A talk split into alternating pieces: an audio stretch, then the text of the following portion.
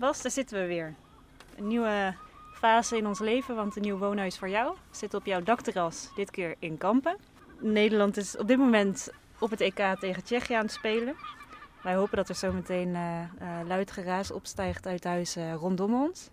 In de tussentijd moeten we doen met de meeuwen die van een afstandje aan het, aan het krijzen zijn. Ja. We gaan vandaag een, een boek bespreken, het is weer zover. Voordat we dat doen, moeten we eerst even iets rectificeren, Bas. Vertel. Nou, vorige aflevering hebben wij de tulpenroute gereden Ja. in de polder. En toen zijn we geëindigd in Emmeloord op de deel waar net een nieuwe uh, fontein geopend was. Uh, kunst in de openbare ruimte. Kunst in de openbare ruimte. En uh, fontein gelegd midden in het, het silhouet van de Noordoostpolder. En we zeiden toen gekscherend dat Urk een afvoerputje geworden was. Net als Vollehoven en Lemmer. Lemmer ja. Nou, we zijn erop gewezen door een uh, oplettende luisteraar dat Urk geen afvoerputje is, maar dat afvoerputje op de plek van Urk dat staat voor een gemaal. Ja, het was ook een beetje een grapje natuurlijk. Maar ja, dat kun je niet altijd uh, horen in een audio-opname. dus mensen die zich tegen de schenen getrapt voelen, onze excuses.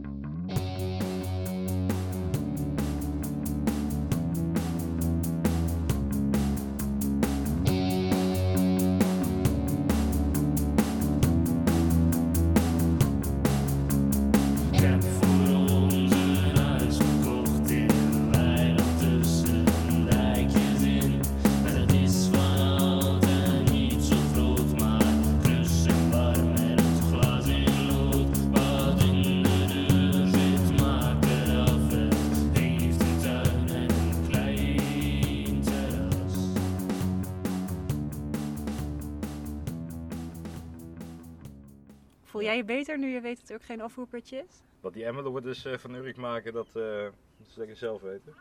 Nee, gekheid. Het is, uh, het is een leuke kunstwerk.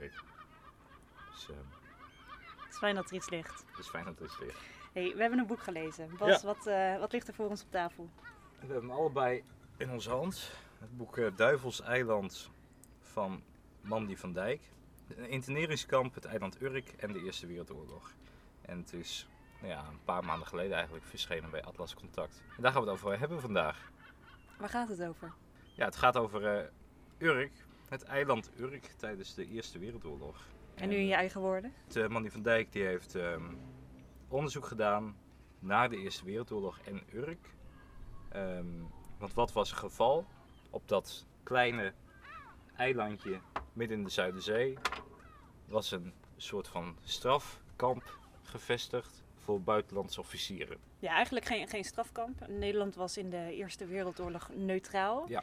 En dat betekende dat uh, uh, mensen uit het leger, ofwel het Duitse leger, of het Engelse leger, of het Franse leger, op het moment dat zij in Nederland uh, voet op de grond zetten, dat kon komen omdat zij vluchten uit een legerpositie, maar ook omdat zij bijvoorbeeld met een vliegtuigje verkeerd landen, namelijk op Nederlandse grond. En Nederland die mocht die mensen dan niet terugsturen naar hun eigen regiment maar moest ze interneren. Um, en dat gebeurde inderdaad onder andere op Urk. Ja, ja, en dat interneren dat is een beetje een bijzonder woord eigenlijk. Weinig mensen, daarom zei ik ook strafkamp. Een bijzonder woord voor een bijzonder gebruik ook. Ja, want het was eigenlijk geen straf, hè? Het was, het was de oorlog uitzitten op neutraal terrein. Ja, maar dat het voor de geïnterneerden, zeggen ze dan, hè, is het wel degelijk uh, een straf geweest. Want uh, ja, daar gaat het boek eigenlijk over van hoe is het leven dan tijdens die interneringsperiode. Precies, ja, want het is ook belangrijk dat je op Ur kwam je niet zomaar terecht. Normaal was het zo, als jij in Nederland terecht kwam als militair, dan gaf je je erewoord aan de Nederlandse regering dat je niet zou vluchten.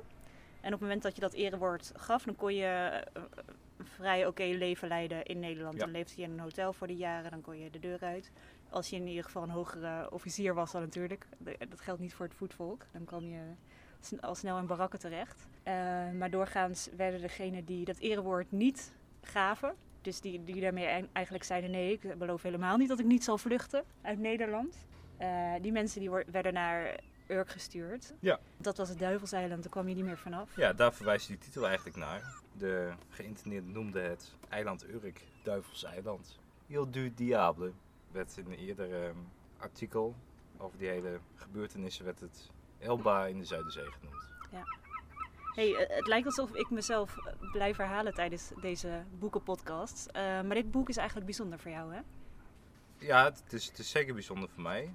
Er staat ook, als je het boek openslaat, ter nagedachtenis aan Albert van Urk en aan mijn moeder. Ehm, nou, die Albert van Urk, dat was mijn grootvader. Mijn opa die is eigenlijk begonnen met, met onderzoek naar die periode op Urk. Er was, er was vrij weinig van bekend, tot eigenlijk dit boek. Maar hij heeft geprobeerd om wat losse bronnen bij elkaar te zoeken en die te verbinden met elkaar. Hij werkte bij Museum Urk. Hij werkte bij het Museum Urk, amateurhistoricus, dorpshistoricus zeg maar. Na zijn dood eh, hebben we dat archief bewaard. Met alles wat hij bij elkaar had gepend en had laten printen en losse foto's, dagboeken. Nou ja, en Mandy die is eigenlijk, die heeft toen aangeklopt van, eh, mag ik dat gebruiken voor mijn onderzoek? En ik, ik wil graag het onderzoek afmaken. Mijn opa had het graag willen afmaken, eh, maar dat is helaas niet gelukt. Dus Want je opa wilde ook een publicatie hier. nou, een publicatie of in ieder geval een verhaal vertellen. Eh, ik, ik weet niet of hij eh, per se iets wilde publiceren of ergens zijn namen wilde verbinden, maar ik vond het wel belangrijk dat die geschiedenis bekend was en verteld werd. Over die Eerste Wereldoorlog is in het ehm, gemeentehuis op Urk is dus ook een tentoonstelling geweest. Door dit boek eigenlijk is dat verhaal rond en af. Ja, en, en Mandy die schrijft inderdaad in het nawoord van dit boek dat zij wel eens op Museum Urk zat ook met jouw opa. En dat hij haar op een, op een dag een keertje een foto toeschoof. Waarbij je die barak op Urk kan Ja. zien. Naast het kerkhof en naast een, eh, naast een school die er denk ik niet meer staat. Ja, het is. ehm, ja, ik kon er heel ehm, leuk over vertellen. Eh, enthousiast ook. Maar hij miste ook een beetje de capaciteit en de ja, omgang met digitale onderzoeksmiddelen. Om dat in een wat sneller tempo eh, bij elkaar te brengen. Maar wat, wat, wat Mandy beschrijft, die aanstekelijkheid, dat herken ik wel heel erg. Dus dat, ja, dat vind ik wel heel mooi dat dat zo. eh, en ook hoe ze dat beschrijft, dat doet wel wat met mij. Dus daarom is het extra bijzonder dat we nu over dit boek zitten te praten. Ja, heb je ervan genoten? Ja, het is heel leuk om die geschiedenis te lezen. Ik ben eigenlijk zelf niet zo'n eh non-fictielezer. Ik weet niet hoe jij dat hebt. Wil je geen non-fictie lezen? Nee, niet echt. Niet per se. Oké. Dus eh daar moet ik altijd een beetje inkomen. Maar ehm, omdat het over je eigen geboortegrond gaat. Over een, ja, het is nog maar 100 jaar geleden. Grofweg. En er is gewoon vrij weinig over bekend. Het leeft ook niet in de Urkse samenleving. Eh, iedereen kent een verhaal van de verdwijnende Zuiderzee. Het wonder van Urk. Urk als eiland. Maar ja, zo'n wereldoorlog die juist op Urk heel erg goed aanwezig was.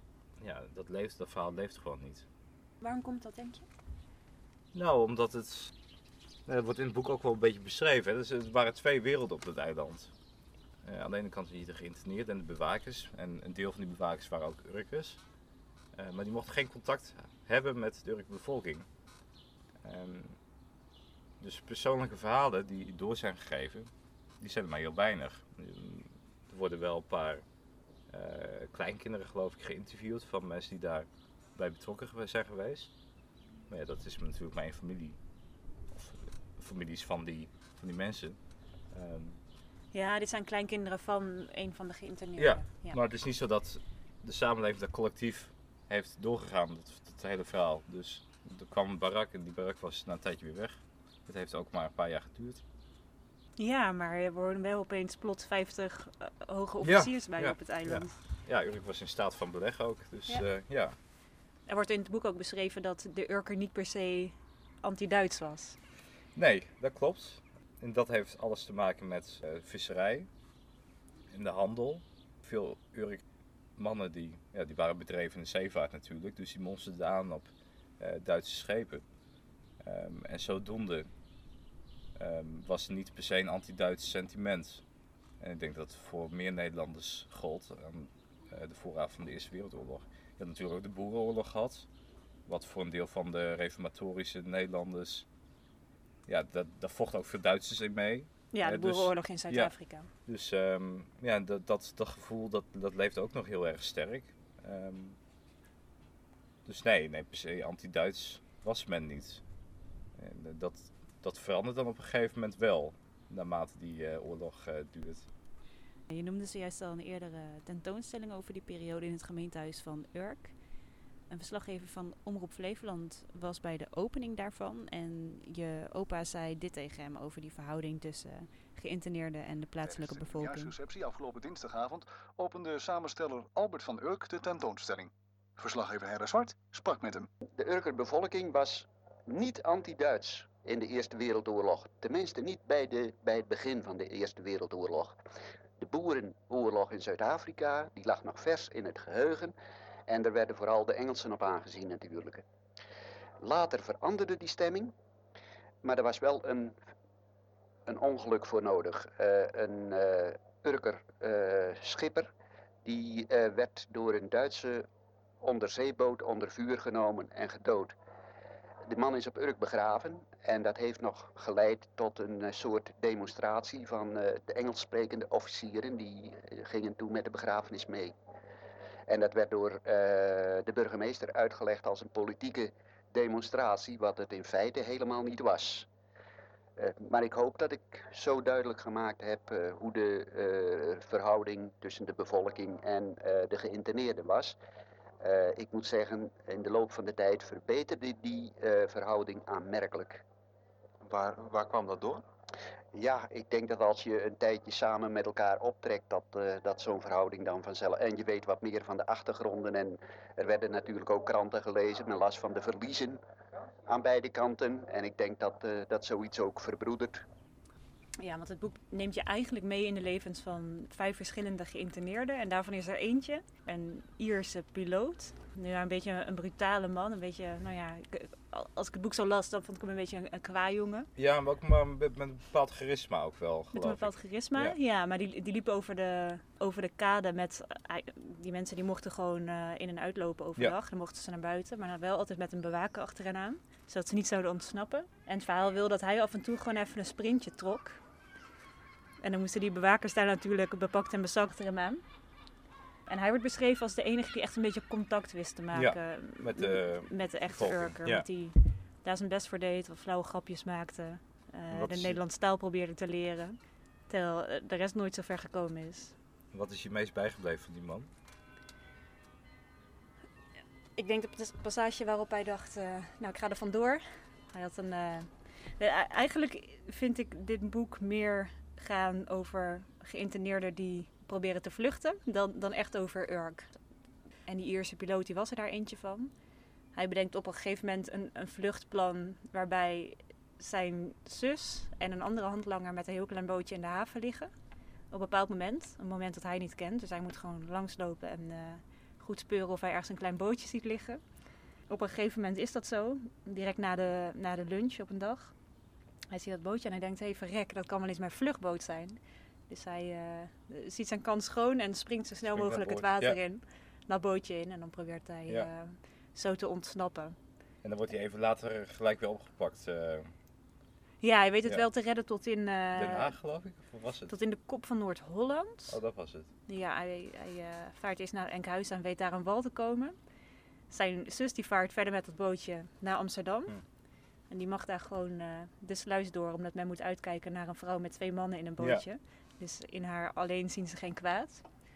Maar hij probeert vervolgens de trein te pakken, geloof ik, inderdaad naar Amsterdam of naar Den Haag. En wordt dan eh alsnog gepakt. de trein gehaald. Ja. En weer teruggestuurd. Precies. Ja. Maar het mooiste vluchtverhaal, denk ik, of althans de mooiste poging tot vluchten, ehm, dat was denk ik toch de grote tunnel die een, een, een groep officiers probeerde te maken van, het, eh, van de brak waarin ja ze dat is, dat is een waanzinnig verhaal. De meest spectaculaire eh, poging tot ontsnappen eh, werd gevormd door een aantal officieren die een, eh, vanuit het interneringskamp een onderaardse gang groeven eh, naar het kerkhof aan de overkant. Daar wilden ze uitkomen.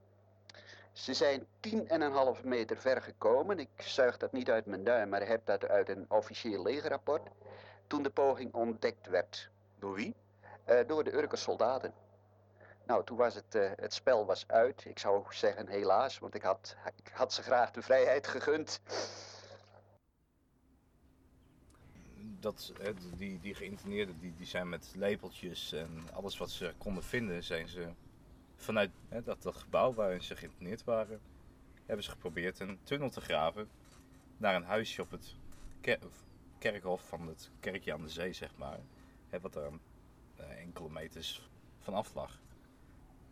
En dat is eigenlijk iets wat je in films ziet. Aanvankelijk liepen ze naar het strand toe, dan leegden ze hun zakken met de zand wat ze opgegraven hadden. Op een gegeven moment kon dat niet meer, verzinnen ze weer allemaal andere manieren. Ze liggen in de natte bodem, dus er wordt ook nog een beetje zieker van.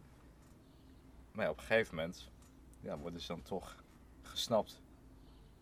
Ja, en dan ze die tunnel weer dichtgooien. Dus hebben ze, voor mij hebben ze maanden werk aan gehad. Drie maanden, ja. Ja, dan moeten ze zelf die tunnel weer dichtgooien. Dus er zal wel wat afgevloekt zijn. Dat denk ik ook, Ja. ja. Nee, dat, dat vond ik echt een waanzinnig eh, verhaal. En ik, kijk, dat is het mooie van het boek. Ik wist dat dit gebeurd was. Ik wist dat er een vlucht, maar daar waren geen. Er was één bron die dat onderschreef. En een man die is die archieven ingedoken en die heeft dat allemaal onderbouwd. ehm, en dat verhaal gewoon op papier gezet. En dat is iets, dat is de verdienste van dit boek. Dus de hele geschiedenis op papier heeft gezet. Daardoor zijn er wel aan de hand van feitjes aan elkaar geregeld verhaal natuurlijk. Wat je zegt, het is geen verhaal over de Urkse bevolking. Nee, het, het geeft gewoon eigenlijk heel sec aan de hand van die levens van die eh, officieren die gebeurtenissen chronologisch weer. Ik heb hier een, eh, een foto voor me van die tunnel. Het, het boek beschrijft eerst dat ze die tunnel aan het bouwen zijn. En, en ik, ik zag, zag de hele tijd zo'n hele, zo'n zo smal, nou ja, naast een molshoopachtig tunneltje vormen. Maar het is enorm, moet je zien. Ja, het is gigantisch. Ja. ja daar staan die ehm geïnterneerden, die, die, die staan op deze foto in die tunnel. Volgens mij zijn ze dan niet zo blij op die foto. nou, ik denk dat ze hier net ontdekt zijn. Ja. Ze zullen inderdaad niet heel gelukkig zijn op dit moment. Ja, en dat, dat eh, zulke eh, eh, qua jongensgehalte van die officieren eigenlijk, dat, dat kun je eigenlijk ook gewoon bijna niet voorstellen. Nee, dat klopt. Maar enerzijds hadden zij natuurlijk te maken met een grote verveeldheid op dat eiland. Ze zaten daar, ze mochten niks. Ze mochten wel met verlof natuurlijk. maar- ja, ze mo- aan de andere kant mochten ze ook vrij veel. Hè. Ze mochten, eh, er stond een biljart, een, een bibliotheekje met een paar boekjes erin. Ze konden drinken, er werd, werd stevig gedronken. Ze mochten het eiland rondlopen. Ja, het- natuurlijk een totale eenzaamheid. Ja, maar het was natuurlijk vooral een kwestie van eer. Ja, daar komt ook heel erg goed naar voren in het boek. Bij, de, Ja. bij deze groep militairen, de Ja. officiers, die konden het zichzelf waarschijnlijk niet verkopen dat zij de oorlog aan het uitzitten waren op een Nee. eiland in de Zuiderzee, terwijl hun eigen manschap aan het, eh, aan het vechten waren. Die, ik- denk dat die mensen ook in bepaalde zin bang waren voor het einde van de oorlog, terwijl zij nog op het eiland Ja. zaten, omdat zij dan inderdaad, ik denk dat zij, hoewel dat in veel gevallen waarschijnlijk niet zo was, toch gezien werden als deserteurs. Ja, ja en ja, dat, dat wat, je, wat je zegt hè, over eer, dat komt ook heel erg goed naar voren in het boek. Er gebeurt, iemand, iemand wordt niet correct begroet op een gegeven moment. En dat veroorzaakt dan weer een hele rel binnen, dat, binnen die barak. Een heel, heel kleinig dingetje was het. Maar Ja. alles, die hiërarchie die komt heel erg goed naar voren toe. Ja, en de, de, bu- de buitenlandse officiers zijn ook boos hè, als de, de Urker bewakingen en inderdaad, hun pet niet voor ze afneemt en zo. Precies. Nee, dat is fantastisch. Maar dat geeft ook Ja. een beetje een inkijkje naar dat officiersleven, waar ik zelf vrij weinig van weet, wist. Ja, hè, en dat hele, dat hele erewoordsysteem. Daar kon ik me met de blik van nu heel weinig bij voorstellen. Dat je Ja. inderdaad een, een eet aflegt, hé, hey, ik ga niet ontsnappen. Eh, en dan is het goed, dan mag je vrij uitgaan. Ja. Eh, maar dat die mensen daadwerkelijk ook die eet, dat erewoord, dat, dat stelde ook daadwerkelijk iets voor. Dus in het boek komen verschillende situaties voor. Bijvoorbeeld wanneer zo'n geïnterneerde op verlof ging. Eh, Ja. Ze mochten een paar dagen naar de wal, vrienden opzoeken, ze mochten lezingen geven, ze mochten van alles. Maar elke keer als zij de deur uitgingen, dan moesten ze zo'n belofte van eer afleggen. Ja. En op het moment dat zij die afgelegd hadden, dan hielden ze zich eraan. Ja. Soms kwam het voor dat de bewaker bijvoorbeeld vergat om te vragen naar zo'n Ja. naar zo'n erewoord. En dan dachten ze, ja, maar nu kan ik ontsnappen. Ehm, het wa- was iets waar landen zich onderling ook aan hielden. Op een gegeven moment in het boek, de Ier die ik, die ik al noemde, die weet uiteindelijk te ontsnappen omdat hij heel erg slim het papiertje waarop hij zijn handtekening moet zetten, dat vervalst hij Ja. door op een eigen Ja. typemachine eh, die, diezelfde tekst na te typen, maar er niet op te schrijven. Ik verklaar hierbij niet te vluchten. Ehm, ik verklaar hierbij plechtig wel te vluchten. Eh, zet daar zijn handtekening onder. En vervolgens ehm, slaat hij op de vlucht en komt inderdaad in zijn, eh, in zijn thuisland aan. En vervolgens is er nog correspondentie daadwerkelijk tussen de Nederlandse en de Britse regering. Om samen te bekijken of dit nou rechtsgeldig is of niet. Als het niet zo was geweest en als de Britse regering had gezegd, nou ja, dit, eh, dit, dit had deze, deze man nooit mogen doen, dan had de Britse regering hem daadwerkelijk teruggestuurd. Ja, het is een hele com- complexe uitvoering van, van die oorlogswetgeving. En dat is veel complexer dan, dan dat ik dacht dat het was. Ja, Ja, waar we over, eerder over hadden van ehm, je geeft je erewoord. Nee, dat moest je steeds opnieuw doen. Ehm, ja wat een papierwinkel moet dat geweest Ja. zijn, hè? ja, en ook, ook eh, het begin van de oorlog, van hoe verklaart Nederland zich neutraal. Dat is ook een gedoe geweest, want je moest je steeds in ieder land wat deelnam aan de oorlog, ehm, moest je neutraliteitsverklaring sturen. Het verschrikkelijk werk is er geweest om dat uit te voeren. Het is nog helemaal niet zo makkelijk om neutraal te Nee. blijven, zeg je. Precies, en dat, dat laat dit boek ook goed zien, inderdaad. Dat het helemaal niet zo makkelijk is om neutraal te zijn. Ik heb altijd gedacht eigenlijk dat Nederland best wel, dat die Eerste Wereldoorlog buiten Nederland omging. Maar toch dat het op zo'n plek als Urk gewoon het dagelijks leven wel bepaald heeft voor een deel.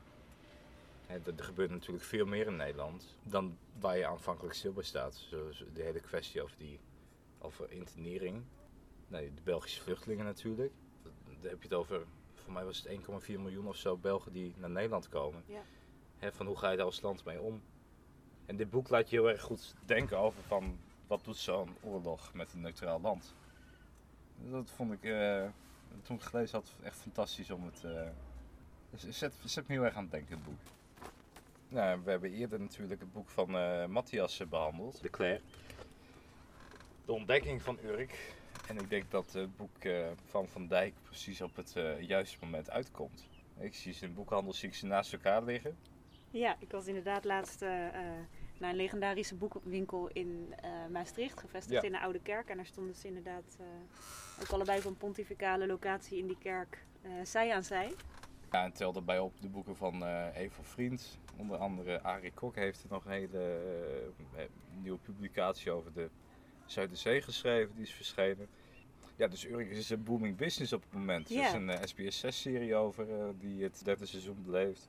Ik weet niet hoe ze voor elkaar krijgen, maar ze spelen zichzelf steeds in de picture. nou ja, goed, ik vraag me af of dit allemaal echt vanuit Urk uitgaat.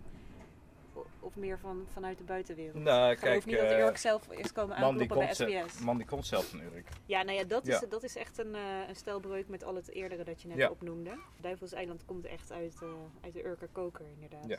Dit keer niet geschreven vanuit die, ehm, hè, laten we eens eh, Laten we komen eens kijken bij dat gekke, gekke volkje. Wat allemaal Ja, terwijl ik wel vond dat Matthias op een hele respectvolle en nou, ethisch verantwoord, zou ik bijna zeggen, manier heeft gedaan. Zijn onderzoek. Eh, maar het blijft een, eh, een blik van buitenaf natuurlijk. Het bleef een moderne Ja. schedelmeting van eh, de Urker. Ja, misschien wel, ja. Maar nee, Mandy die heeft het verhaal afgemaakt eigenlijk.